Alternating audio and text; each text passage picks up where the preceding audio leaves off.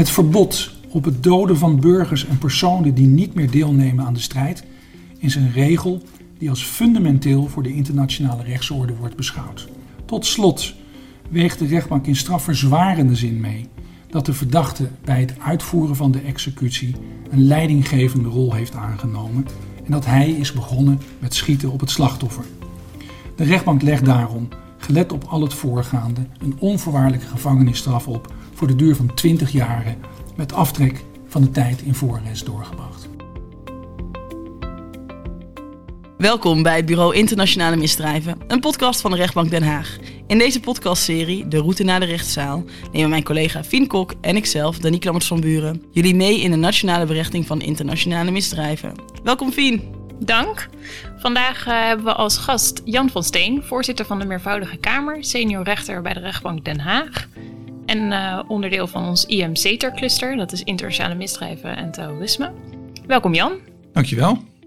We springen er vandaag gelijk in, Jan. In de vorige afleveringen hebben we het proces behandeld tot aan de zitting. En vandaag willen we met jou uh, het gedeelte behandelen vanaf de zitting. En de verdachte zit al enige tijd vast. Hij is voorgeleid bij de rechtercommissaris. De zaak heeft op raadkamer gestaan en de eerste proforma in de IM-zaak staat gepland. De vele pagina's dossier zijn beschikbaar op je computer. Waar begin je mee? Een uh, internationale misdrijfszaak is in wezen niet anders uh, dan een uh, gewone strafzaak. En op de eerste proforma-zitting komen dus aan de orde: zijn er ernstige bezwaren tegen deze verdachte voor de feiten waarvan die wordt verdacht? en zijn er gronden om de voorlopige hechtenissen te handhaven? En daarnaast komt aan de orde welk onderzoek er eventueel nog moet worden verricht. Wat de stand van zaken is in het onderzoek. Of er nog getuigen gaan worden gehoord en of de verdediging onderzoekswensen heeft.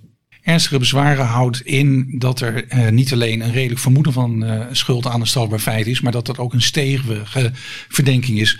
Een zodanige verdenking dat je daar op de verdachte langer moet vasthouden. Duidelijk. En uh, met, wie, met wie vlieg je zo'n zaak aan? Wie werken er mee aan een dergelijke strafzaak? Voor een eerste proforma zitting uh, heb je niet altijd meteen de uh, rechters en de juridisch medewerker die uiteindelijk ook de inhoudelijke behandeling gaan doen. Uh, de zaak wordt aangebracht op een zitting. Daar zit je met, met twee rechters en een juridisch medewerker als griffier. dat is de club waarmee je die eerste proforma aanvangt. En hoe ziet de taakverdeling er een beetje uit in, in die fase? In die fase is het vaak de juridisch medewerker die een, een overzicht maakt van wat er tot nu toe in de zaak is gebeurd. Ehm, tot waar loopt het proces verbaal? Zijn er inmiddels aanvullende processen verbaal binnen? Uh, die zetten in een, in een overzicht wat, uh, wat de verdachte tot dusver heeft verklaard. Wat de meest belastende processtukken zijn. En dan ga je lezen. Dan ga je door die vele pagina's heen. Ja, bij de eerste proforma zijn dat er vaak nog niet zo heel erg veel hoor. Dan heb je het over een paar honderd bladzijden in eerste instantie. Ja, en dat wordt gedurende uh, het proces aangevuld. Dat wordt aangevuld tot soms buitengewone proporties. En de rechtbank Den Haag heeft binnen de teams die zich bezighouden met strafrecht een speciaal cluster dat zich bezighoudt met internationale misdrijven. Kun je iets vertellen over dat cluster? Dat is een cluster met rechters en juridisch medewerkers met een bijzondere interesse in dit rechtsgebied. Die de kennis daarvan ook proberen bij te houden uh, door middel van, uh, van studie en leerkringen en lezingen en cursussen.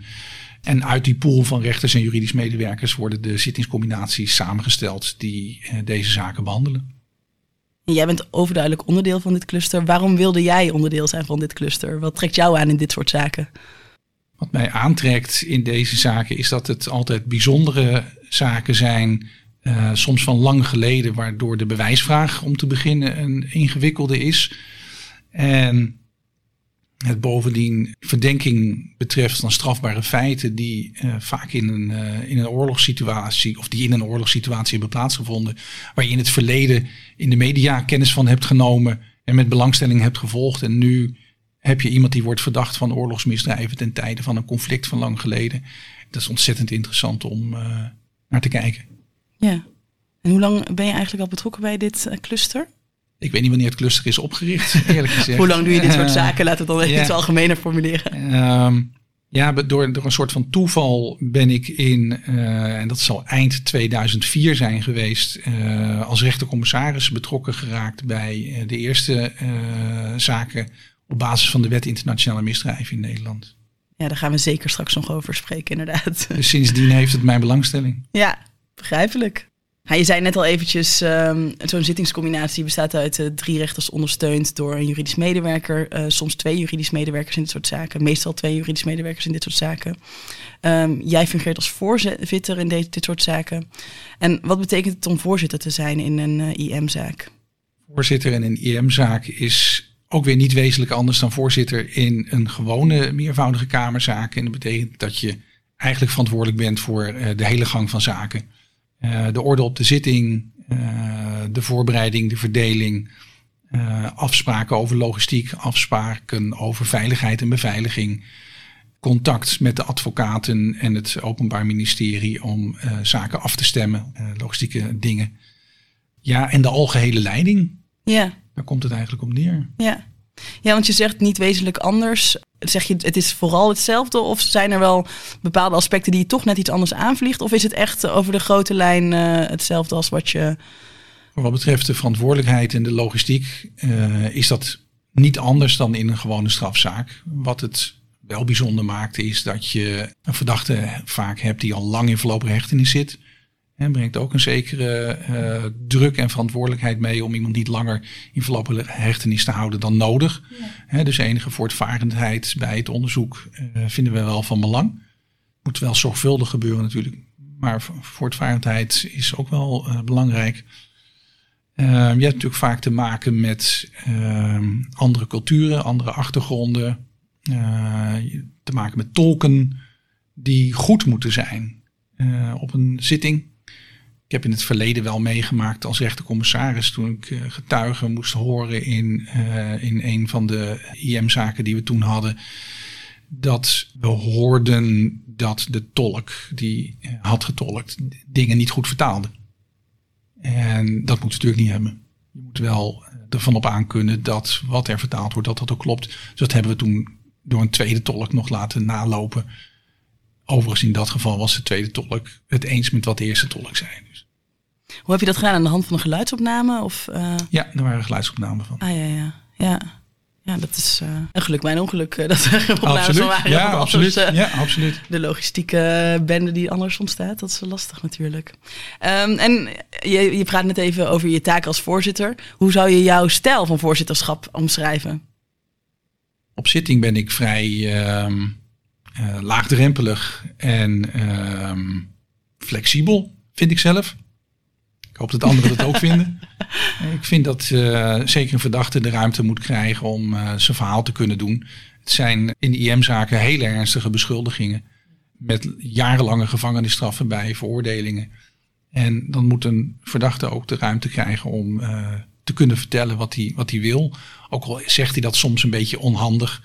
Hè, als een verdachte mij aanspreekt met jij of jou. Ja, dan denk ik nou weet je, dat vind ik nog niet zo heel erg. Hè? Terwijl uh, voorzitters oude stijl, die staan erop dat je u zegt. En dat het allemaal heel netjes en formeel is. Ik ben daar niet zo van. Mm -hmm. En um, ja, dus de formaliteiten op zitting, uh, tot op zekere hoogte, daar moet je een beetje flexibel mee omgaan, vind ik. Hetzelfde geldt overigens, vind ik ook hoor, voor uh, onderzoekswensen in zaken als deze. Wanneer iemand aankijkt tegen 20 of 30 jaar gevangenisstraf of een levenslange gevangenisstraf, dan vind ik dat je ook wel uh, iets ruimhartiger mag zijn bij het toewijzen van de onderzoekswensen. Waar je misschien in een kleinere zaak uh, formeel een onderzoekswens best kan afwijzen, omdat het ja, een soort kansloze missie is om daarop in te gaan. Dan vind ik dat in een zaak als deze je daar iets, uh, iets ruimhartiger mee mag omgaan. Ja. Laten we alle lijntjes maar uitlopen, ook in eerste aanleg. Ja, en het onderzoekswensen, dat zijn natuurlijk de verzoeken van de advocaat inderdaad om nader onderzoek. Omdat de advocaat daar niet uh, zijn eigen mogelijkheden, of minder zijn eigen mogelijkheden uh, toe heeft dan bijvoorbeeld het Openbaar Ministerie. Ja, maar bijvoorbeeld toch ook het, het horen van getuigen in verband ja. met een alternatief scenario. Ja. Of nog eens een tweede onderzoek naar uh, wat, wat we hebben gehad in, uh, in een zaak naar, naar schotlijnen. of naar geluidsopname. Dat daar wel of niet mee, mee geknoeid zou zijn. Ik noem maar even wat. Ja. Nou, laten we het maar uitlopen. Ja. Je sprak net eventjes over schotlijnen. Uh, je hebt vorig jaar uh, vonnis gewezen in een grote IM-zaak. Kun je ons uh, wat meer vertellen over die zaak? Ik kan er wel iets meer over vertellen met een zekere terughoudendheid, omdat de zaak nog in hoger beroep loopt. Wat ik over kan zeggen is dat het een, een Syrische man betrof die werd verdacht van het, het doodschieten van een gevangen genomen militair in 2012 in Syrië. Ten tijde van het begin van het conflict in, in Syrië. En het bijzondere aan deze zaak was dat er videoopnames waren van de. Er waren videoopnamen van, van de executie. En dat maakte het wel een, een heftige zaak. Je sprak net over onderzoek naar schotlijnen. Kan je daar wat meer over vertellen? Op de video was te zien hoe het slachtoffer werd geraakt. was ook, dus hij stond aan de, aan de oever van, van de Uifraat. En te zien was ook dat kogels in het water terechtkwamen. En er is door het NFI uitgebreid onderzoek gedaan naar hoeveel kogels er nou precies zijn afgevuurd. In de videoopname was in ieder geval één revolver en een Kalashnikov te zien. Nou, het aantal kogels dat werd afgevuurd is geteld. Er is nagelopen uh, door hoeveel kogels de, het slachtoffer in ieder geval werd geraakt, hoeveel kogels er mis waren, welke kogels al dan niet uit de Kalashnikov, al dan niet uit de revolver die de verdachte in zijn handen zou hebben gehad, en of nog een tweede Kalashnikov waren gekomen. Nou, dat is allemaal uitgezocht en in een, uh, in een rapport neergelegd. En diende als basis bewijsmateriaal uiteindelijk in het vonnis. En je sprak net al eventjes over de plek waar dit heeft plaatsgevonden. Nou kunnen we natuurlijk niet naar Syrië reizen en onze politie ook niet, omdat rechtshulp niet mogelijk is. Uh, dus we kunnen, niemand kon daar naartoe om te kijken van klopt het nou waar dit precies heeft plaatsgevonden. Hoe zijn ze nou achtergekomen waar dit was? Uiteindelijk heeft de verdachte daarover verklaard. Aan het begin van het onderzoek, uh, toen de videoopnamen beschikbaar waren, uh, kunnen uh, ja, de deskundigen tegenwoordig door middel van geolocating aan de hand van uh, kenmerken in het landschap precies vaststellen waar ter wereld een bepaalde opname is gemaakt. Dat was in dit geval ook zo. Wel ook bijzonder, omdat in deze zaak ze echt de, de, specifieke rivierbank waar het heeft plaatsgevonden, dus op basis van geolocating hebben kunnen traceren. Dus dat was uh, knap om te zien. Ja, zeer specifiek. ja. ja. Um, laten we eventjes uh, teruggaan naar, um, naar de zitting. Um, naar, naar het, eigenlijk de volgende stap, want we hebben het net even gehad over de proforma's. En dan komt natuurlijk op een gegeven moment het moment dat de toegewezen getuigen zijn gehoord. Het deskundige onderzoek is afgerond. De zaak is klaar voor de inhoudelijke behandeling. Kun je schetsen hoe zo'n behandeling eruit ziet? Het uh, horen van getuigen uh, en het uitvoeren van onderzoek in zo'n zaak loopt soms tot, tot vlak voor de inhoudelijke behandeling door, net als in dit geval. Er was ook een bedreigde getuige nog die, uh, die gehoord was door de rechtercommissaris, die daar ook een uitgebreid uh, procesverbaal van bevindingen over heeft moeten opmaken. En ook dat kwam nou, een aantal weken voor de zitting kwam dat toegevoegd aan het dossier.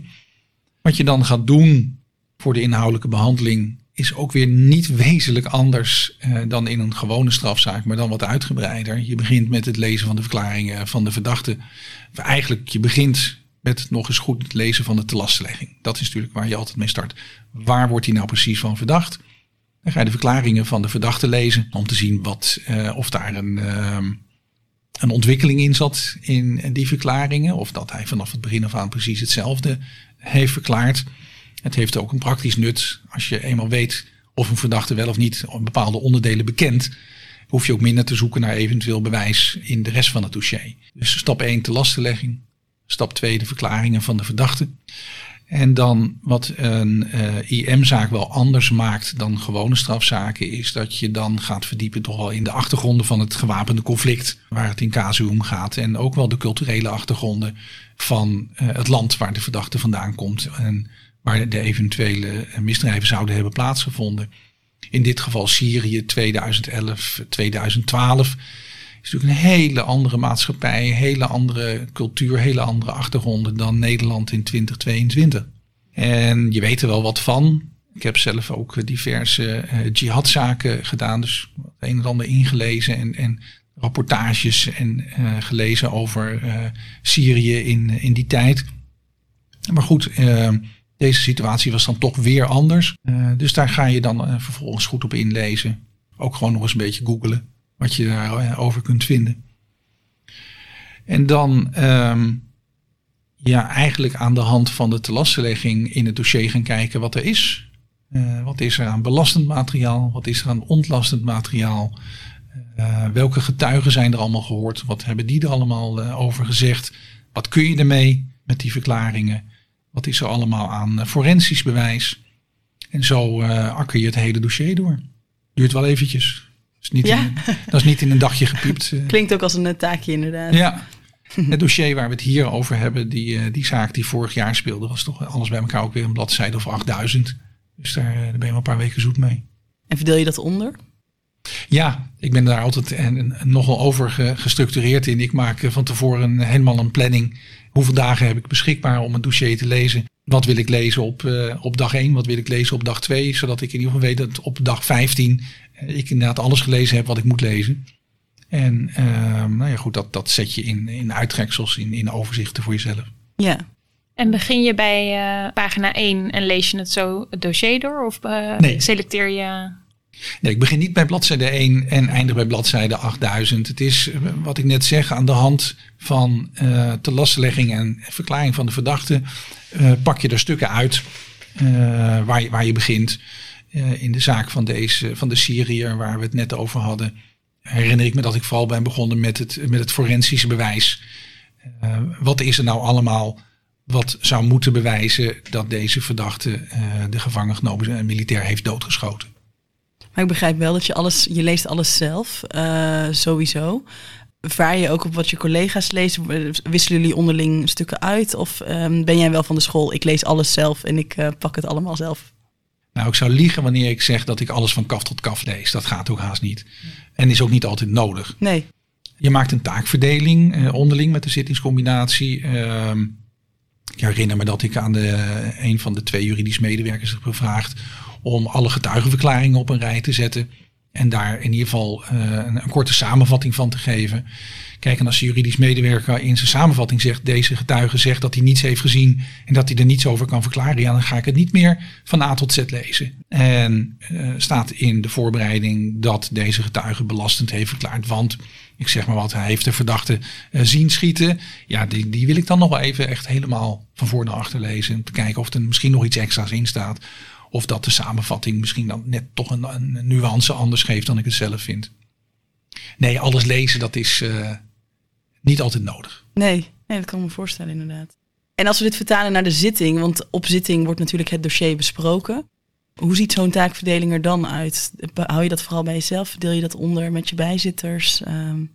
In uh, de zaak waar we het nu over hebben, hadden we, dacht ik, drie dagen, uh, drie of vier dagen voor de inhoudelijke behandeling. Dan ben ik heel blij dat ik niet drie of vier dagen zelf aan het woord hoef te zijn. Nee, daar maken we een verdeling uh, yeah. voor tussen de voorzitter en de twee bijzitters. En wat we in deze zaak hebben gedaan, is in afwijking van gewone strafzaken beginnen bij de levensloop van de verdachte. En in een normale strafzaak bespreek je eerst de, de verdenking, de, de feiten zoals we dat noemen, en daarna de persoonlijke omstandigheden. Maar bij zo'n zaak als deze, waarbij uh, juist de hele achtergrond van de zaak zo belangrijk is, kan het heel nuttig zijn om gewoon met de levensloop van verdachten te beginnen. Ook in jihadzaken en anderszins terrorismezaken doe ik dat wel vaker. Omdat je dan ook ziet hoe een verdachte op het punt is gekomen dat hij de uh, vermeende strafbare feiten zou uh, hebben begaan. En uh, in deze zaak was het ook wel heel goed om het leven van verdachten door te nemen. Om te zien hoe die in het leger terecht was gekomen, in het Syrische leger. Daar is weggegaan. Hoe die in het, in het gewapende conflict als het ware terecht is gekomen. En hoe zich dat heeft ontwikkeld. En dan kom je vanzelf uit op het punt waar dan de strafbare feiten zouden zijn begaan. En neem je eigenlijk en passant mee de achtergrond van het gewapende conflict. Ja. En zo kom je op een natuurlijke wijze bij de feiten waar die van wordt verdacht. En dan is het ook makkelijker om die feiten te gaan bespreken. Het gaat in een voor de, ook voor de verdachte in een logische volgorde in een chronologische volgorde. Die kan je veel beter volgen dan dat je begint met nou, op 21 eh, juli 2012 stond u aan de oever van de Eufraat en zou u iemand hebben doodgeschoten. Ja. Daar gaat heel veel aan vooraf.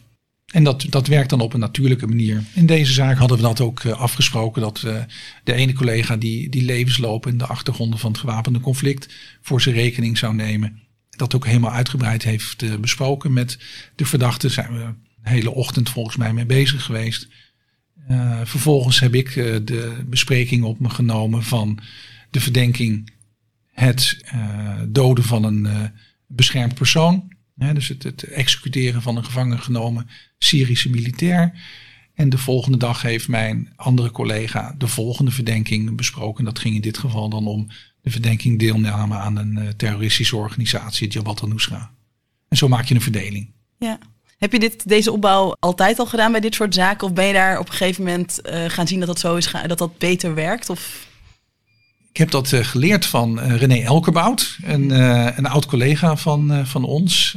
samen met hem als voorzitter zat ik op de contextzaak. dat was, ja, het werd genoemd de Haagse jihadzaak. Het ging om een groep Haagse jongens die een criminele terroristische organisatie zouden vormen. En waarvan een aantal ook is uitgereisd naar Syrië in 2013, 2014. En René Elkerbout was er voorstander van om in sommige zaken het op deze manier te doen. Dus in afwijking van wat gebruikelijk is. Beginnen met de persoonlijke omstandigheden. Dat werkt vaak heel goed. Ik heb dat van hem afgekeken en af en toe uh, gebruik ik dat. Ja. Uh, na sluiting van het onderzoek trekt de rechtbank zich terug in raadkamer. Wat daar besproken wordt is geheim. Wat wel duidelijk is, is dat je in dit soort zaken wordt geconfronteerd met juridische kwesties die nog niet helemaal zijn uitgekristalliseerd, waar eventueel nog discussie over is. Vind je dat dit het werk leuker maakt of vind je dit een lastig onderdeel van IM-zaken? Allebei natuurlijk. Het is, het is lastig omdat het soms om juridisch eh, gecompliceerde onderwerpen gaat. Uh, wat veel uitzoekwerk vraagt. En waar je soms nieuwe jurisprudentie maakt. Omdat er nou eenmaal niet zo heel veel, in ieder geval niet heel veel Nederlandse jurisprudentie is op het gebied van de internationale misdrijven. Internationaal is dat er wel natuurlijk. En dat maakt het tegelijk ook uitdagend, juridisch uitdagend. Het is wel iets anders dan uh, de zoveelste winkeldiefstal. Ja. Om maar een extreem voorbeeld te geven. Ja, het is iets anders dan de zoveelste winkeldiefstal, inderdaad. Ik wilde vragen over, want je had het net over ingewikkelde bewijsvragen. Dus ik wil die vragen naar voorbeelden daarvan. Maar dat gaat natuurlijk. Nou ja, wat ik er wel over kan zeggen is dat waar je in een uh, gemiddelde uh, meervoudige kamerzaak met een uurtje raadkamer er in de regel wel uit bent. de juridische vragen die je moet beantwoorden is de wet gewoon overtuigend bewezen? Wat is er lastig gelegd? Is dat een strafbaar feit? Is de verdachte daarvoor strafbaar? En welke straf of maatregel moet hij opgelegd krijgen? Hè? Dat is in de kern wat je, wat je bespreekt in raadkamer. Nou, in een gemiddelde zaak heb je dat in een uurtje wel uitgeraadkamerd, zoals we dat dan noemen. Uh, bij zo'n IM-zaak ben je vaak ook na een uurtje wel uitgeraadkamerd. En ga je dan uiteen om allerlei dingen uit te gaan zoeken uh, met een afspraak voor de volgende uh, uh, raadkamerbespreking. Want hier ben je er niet met één keertje even doorlopen. Daar zit zoveel in. En ieder zoekt dan bepaalde onderwerpen verder uit. schrijft daar eventueel een, een, een, een notitietje over of een voorzet. En dan kom je weer bij elkaar en dan ga je dat weer opnieuw bespreken. En zo kom je uiteindelijk tot een beslissing raadkameren is in zo'n zaak als deze wel echt wel anders dan in een, uh, in een reguliere zaak. Ja. Intensiever en langduriger, maar ook wel erg interessant. Ja, en Zodra het vonnis gereed is, dan volgt natuurlijk de uitspraak. Op zitting uh, lees je niet de hele uitspraak integraal voor, maar dan maak je eigenlijk een soort samenvatting van als voorzitter. Kun je ons daar nog wat over vertellen, zo'n uitspraakdag? Een uitspraak moet naar mijn mening uh, in de regel niet langer duren dan een half uur. Uh, vooruit de drie kwartier, want dan is de aandachtspan ook wel een beetje weg. Uh, hele ingewikkelde juridische vraagstukken beantwoorden gaat vaak beter op papier dan dat mondeling helemaal voorlezen. Daarom maken wij in grote zaken, en zeker in zaken als deze, wat we noemen een uitspraakdocument. En in dat uitspraakdocument vat je wat dingen samen. En uh, zeg je soms ook in iets eenvoudiger woorden um, wat op papier een halve bladzijde kost. En moet wel blijven kloppen. Wat je uitspreekt moet wel hetzelfde zijn als wat in het vonnis staat. En dat betekent dat zo'n uitspraakdocument maken ook nog wel een hele klus is. Uh, want je moet een, bijvoorbeeld een vonnis van, van 80 bladzijden proberen samen te vatten in, uh, in tien bladzijden. Zonder de essentie van het vonnis uit het oog te verliezen. Dus dat, dat, dat vraagt nog wel wat werk. En zeker als er belangstelling van de media is, wanneer een camera meedraait, dan moet het gewoon allemaal kloppen. In een gewone zaak ga je soms naar, naar, naar, de zittingszaal om het vonnis uit te spreken. En vertel je even gewoon klip en klaar aan de verdachte. Nou, ehm, wij vinden dat die inbraak wel is bewezen, want je vingerafdrukken stonden aan de binnenkant van het raamkozijn. En dat vinden wij voldoende doorslaggevend bewijs in combinatie met de getuigen die je ook heeft gezien. Dat snapt de verdachte. En dat kun je zo in uh, simpele woorden uitleggen. Bij zo'n grote zaak luistert dat natuurlijk wel wat nauwer. Dus dat bereid je goed voor. En ehm, wat ik zelf eigenlijk ook altijd wel doe, um, is het uitspraakdocument een keertje hardop voor mezelf voorlezen.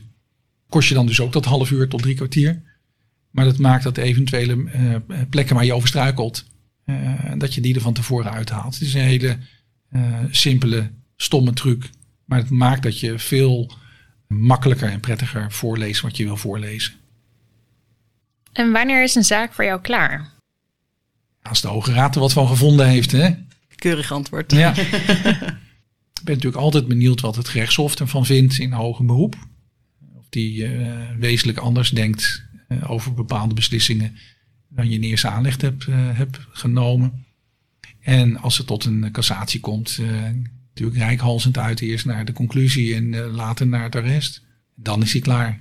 Ik geloof dat het bij um, in de zaak van Frans van A, de eerste IM-zaak die we hadden, nou, heeft het wel heel lang geduurd uh, voordat het uh, rond was. En bij Guus K. is hij nog een keertje terug, zeggen, teruggekomen van, uh, van de Hoge Raad weer naar een hof.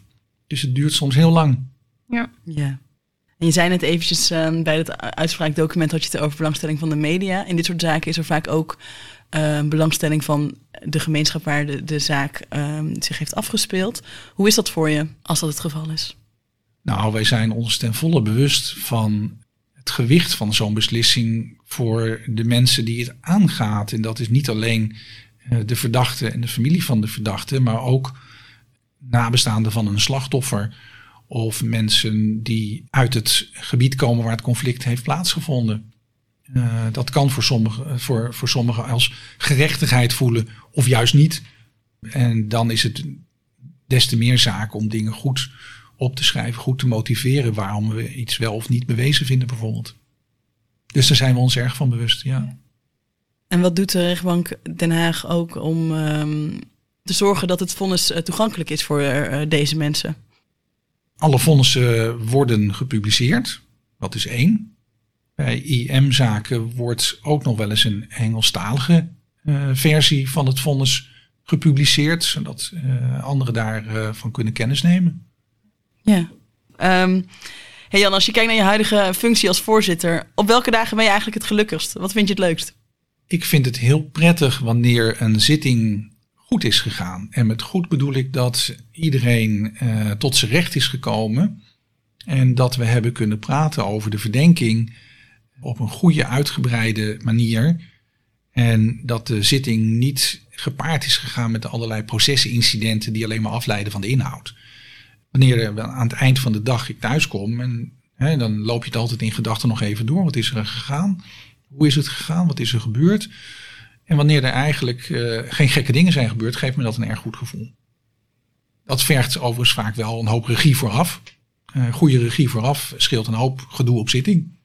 En dat betekent goede afspraken maken met het OM, goede afspraken maken met de verdediging.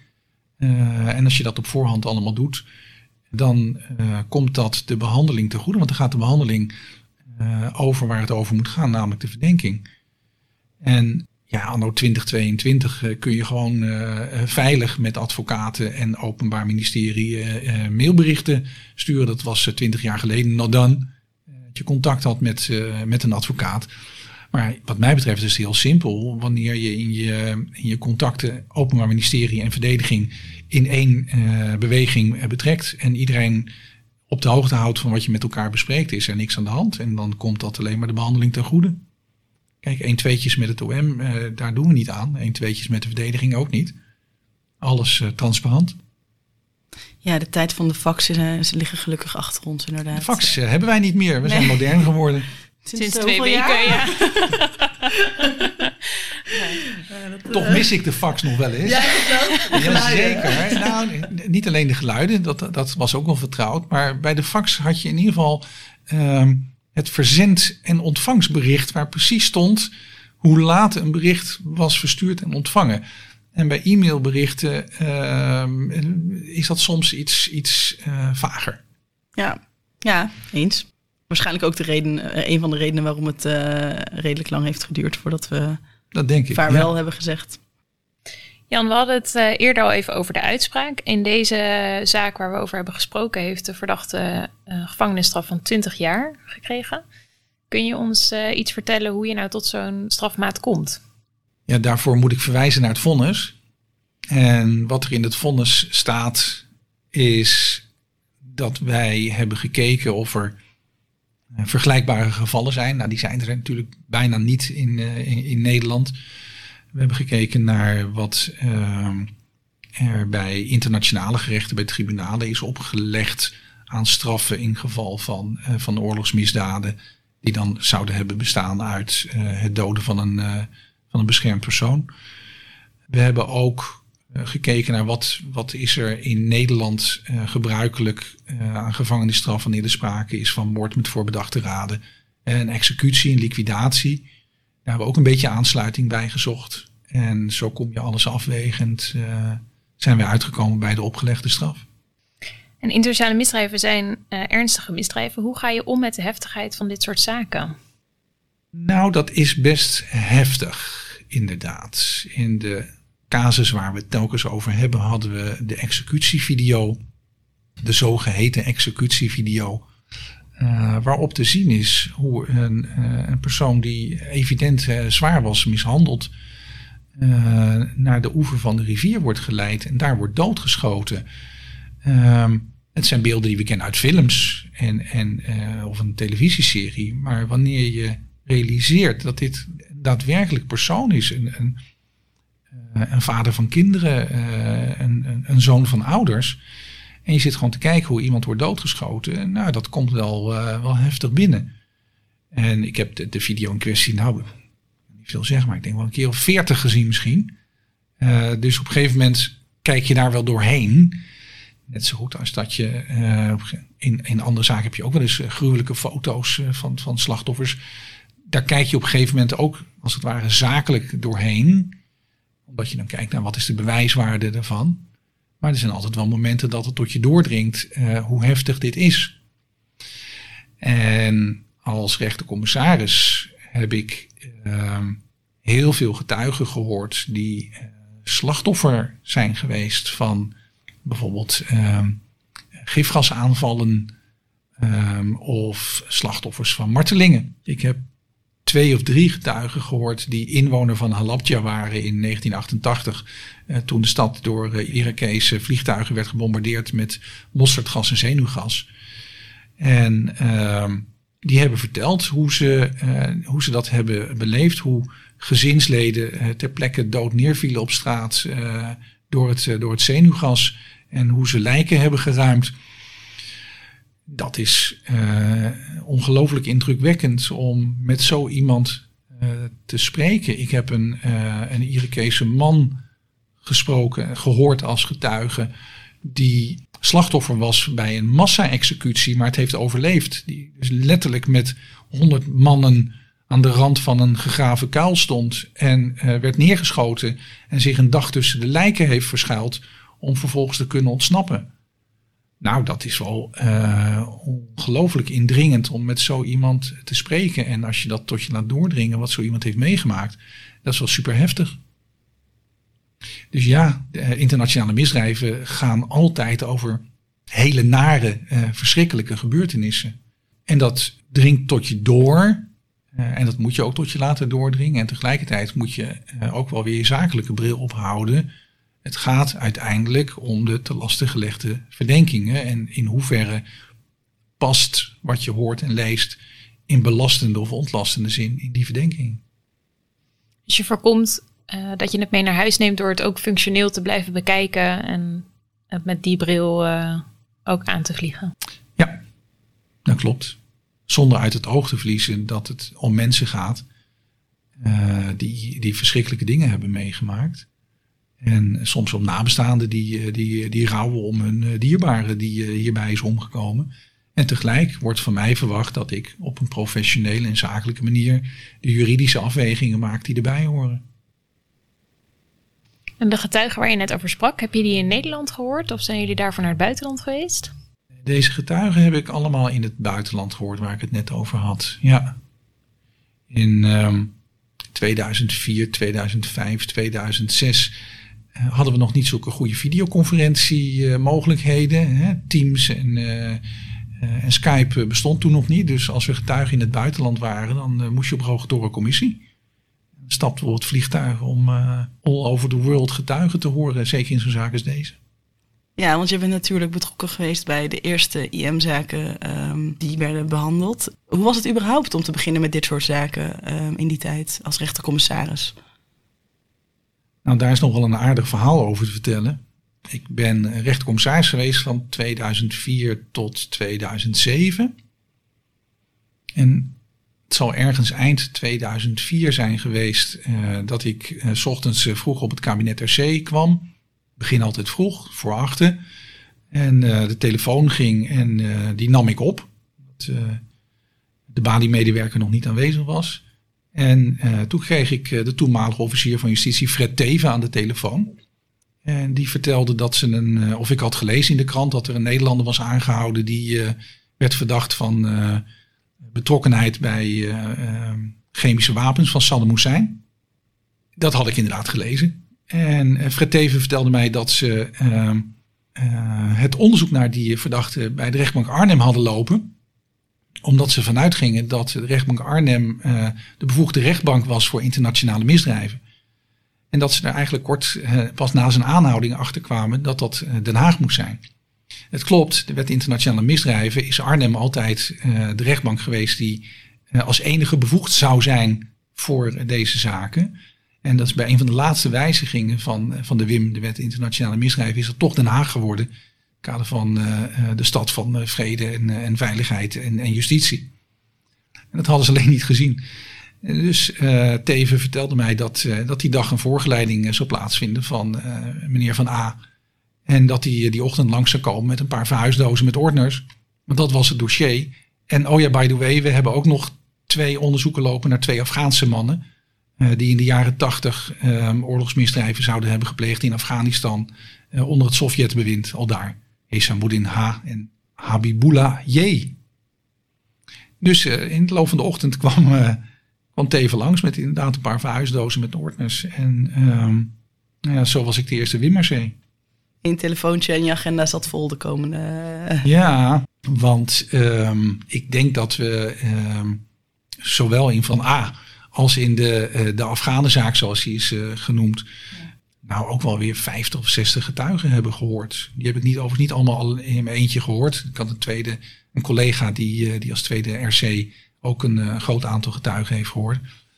Uh, maar dat was, de, dat was inderdaad, daar zijn we zeker een jaar mee bezig geweest. ook in hoger beroep heb ik nog wel een paar getuigen gehoord.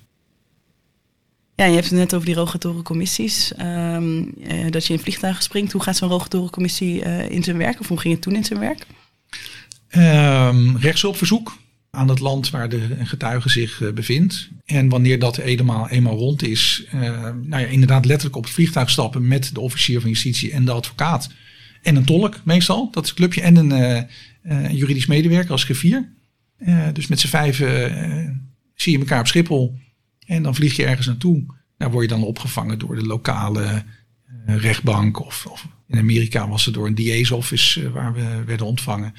En daar is alles dan alweer geregeld dat die getuigen op de afgesproken datum komen. En dan, dan ga je horen. En dan de ene keer is het je eigen griffier die het verslag maakt van de zitting. Eh, van, van, het, eh, van het verhoor. En in Amerika had je dan, wat je, wat je kent uit tv-series, een meneer of mevrouw die op zo'n zo'n steno-apparaat zit mee te typen. En daar kwam ik, in, in Baltimore hebben we daar een aantal getuigen gehoord. Ja, ik geloof dat ik terugkwam met anderhalf duizend bladzijden verslag. Dat is echt heel veel. Maar goed, verbatim helemaal uitgewerkt. kan geen misverstand bestaan over wat is gezegd. Maar het is wel heel veel. En in het Engels dus, een stenograaf. En in het Engels, ja. zeker. Ja. Dus dat moest ook nog allemaal vertaald. Ja. En het verschilt enorm per land wat je als rechtercommissaris wel of niet kunt doen. In ehm, Lugano, uh, dat is dan nog Zwitserland, uh, heb ik een getuige gehoord waar ik van de rechter te plaatsen helemaal geen enkele vraag rechtstreeks mocht stellen aan de getuige. Ik moest eerst de vraag voorleggen aan die rechter en die uh, nou, parafraseerde soms ook uh, en stelde de, de vraag aan de getuige. Die gaf een antwoord. En die rechter parafraseerde dan dat antwoord weer naar mij. En dat mochten wij dan weer vervolgens opschrijven. Een heel bijzondere uh, manier van doen. Andere landen laten ze je gewoon je gang gaan. Ja. En in sommige landen is dat wat meer um, fluïde. Ik herinner me de verhoren in Teheran in Iran wat best nog wel ingewikkeld was om voor elkaar te krijgen. Dat we daar getuigen mochten horen in 2005. En dat ging om slachtoffers van gifgasaanvallen in Zuid-Iran. Ten tijde van de, uh, de Irak-Iran-oorlog. En die getuigen waren allemaal netjes naar Teheran gevlogen om daar gehoord te worden. Werden ook bijgestaan door een Nederlandse advocaat, Lisbeth Zegveld. die was daar ook bij. En nou, daar zaten we dan in, in een vergaderzaal met een, met een heleboel mensen.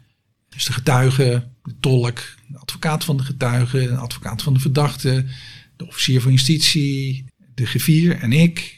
En dan een heel rijtje uh, Iraanse uh, medewerkers, uh, rechtbankmedewerkers, een hele oude rechter. En een paar mensen waarvan we stellig de indruk hebben, hadden dat dat iets van geheime dienst was of zo. Die wilden ongetwijfeld ook horen wat er werd besproken. En die rechter, die, ehm, nou, die, die begon eigenlijk op dezelfde manier als die rechter in Zwitserland, waar ik net over vertelde. De vragen moesten via hem lopen. En gaande verhoren had, kreeg hij kennelijk vertrouwen in dat, dat ik een objectieve vragen stelde. En mochten we rechtstreeks die vragen stellen. En hield hij meer eigenlijk een soort supervisie op, op de gang van zaken. Heel bijzonder om mee te maken. En een week lang een getuige gehoord. In Teheran? In Teheran, ja. Klopt. Was bijzonder. Kan ik me voorstellen. Heb je wel eens heimwee?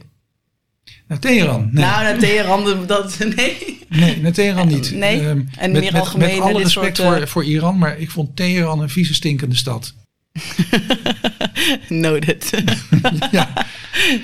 Um, nee, dan de werkzaamheden als ja. rechtercommissaris. Nou, het, het, uh, het horen van al die getuigen uh, over de hele wereld was wel heel bijzonder.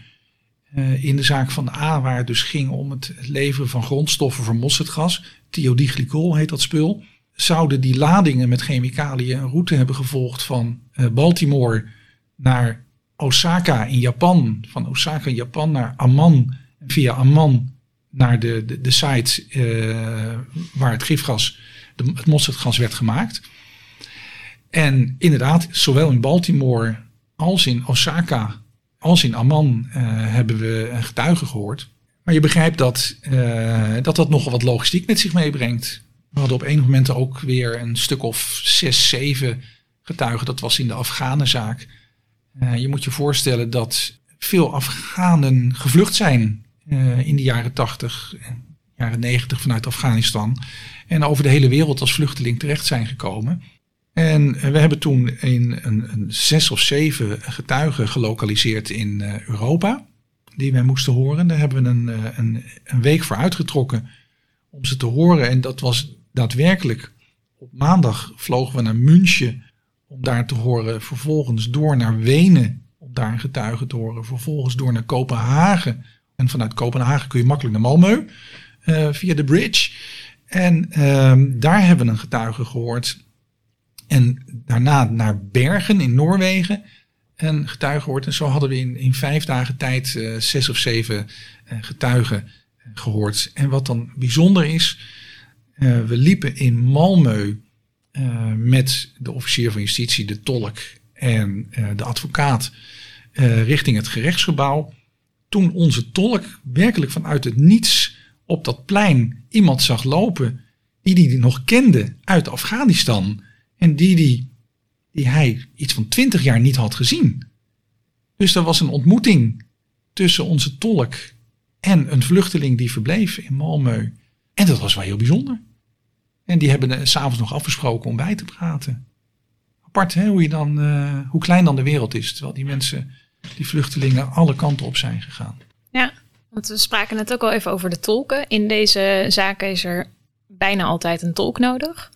Uh, maar het komt natuurlijk ook wel eens voor dat die tolk zelf uh, ook gevlucht is uit het land waar de te lastgelegde feiten hebben plaatsgevonden.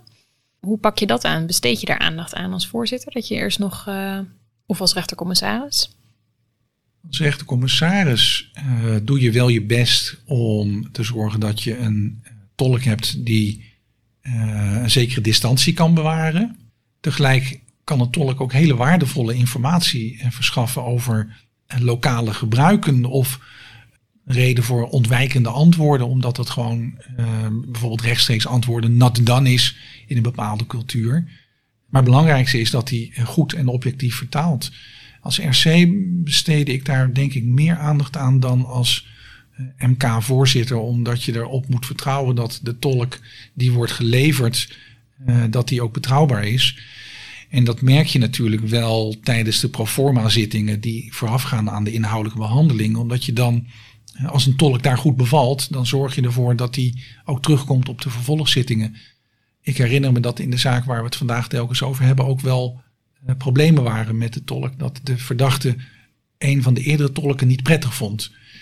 Nou, dan ben ik weer terug bij uh, een, behandeling moet zo soepel mogelijk gaan en een manier waarop een verdachte goed zijn verhaal kan doen. Als die uh, zich niet prettig voelt bij de manier waarop een tolk de vragen vertaalt, ja, dan heb ik liever een andere tolk waarbij uh, het makkelijker praat met een verdachte. Ja. En Jan, we hebben gehoord over je loopbaan eerst als rechtercommissaris, daarna als voorzitter van de IM-kamers. En wat heeft je het meest verrast in het werk van internationale misdrijven? Ik denk um, tot wat voor gruwelijke dingen mensen in staat zijn, afhankelijk van de omstandigheden. Als de verdachten die ik voorbij heb zien komen in uh, de IM-zaken in Nederland hadden geleefd in de jaren 80, 90, dan hadden ze deze misdrijven nooit gepleegd. Dus um, afhankelijk van de omstandigheden zijn mensen tot heel veel in staat. En dat heeft mij eigenlijk nog wel het meest verrast. Dat je hele gewone mensen die door hun uh, gezin en omgeving als lief en aardig uh, worden gezien. En dat ongetwijfeld ook zijn. Toch in staat zijn dus tot afschuwelijke dingen. Dat blijf ik uh, verrassend vinden. En schokkend. Ja, dat is het zeker. En we sluiten de aflevering dan altijd af met een vraag. Of je een kijk, lees of luistertip hebt. Heb jij iets leuks voor uh, ons, voor onze luisteraars? We hebben het natuurlijk over internationale misdrijven. En we hebben het over um, hoe mensen tot, toch in staat zijn tot vreselijke dingen. Het is niet super recent, maar um, Revolutie van David van Rijbroek waar ik over de podcast ook van harte van kan aanbevelen. Die heb ik deze zomer nog een keer geluisterd. Dan zie je toch ook dat ook Nederlanders onder omstandigheden al dan niet gedwongen tot afschuwelijke dingen komen. Ik vond het schokkend om te lezen. Ook hoe de politiek daar toen en later mee omgegaan is. Zeer schokkend inderdaad, ja. Ja, prachtige tip. En zeker, ik onderschrijf helemaal uh, ook de tip voor de podcast. Want dat is denk ik een van de mooiste podcasts die ik ooit goed, heb gehoord. He? Niet normaal ja. goed. Hij heeft ja. een fijne stem ook. Uh, ja, fantastisch inderdaad. Dank hiervoor Jan. Dank voor dit gesprek. Dank dat je de tijd hebt genomen om met ons uh, dit gesprek aan te gaan. En uh, tot in de zittingszaal. We gaan elkaar zien. De zaak die vandaag besproken is, vinden jullie zoals altijd in de show notes met een uh, verwijzing naar het ECLI-nummer. Dit was de laatste aflevering van Bureau Internationale Misdrijven, Route naar de rechtszaal. Wij willen jullie bedanken voor het luisteren en wellicht tot ziens.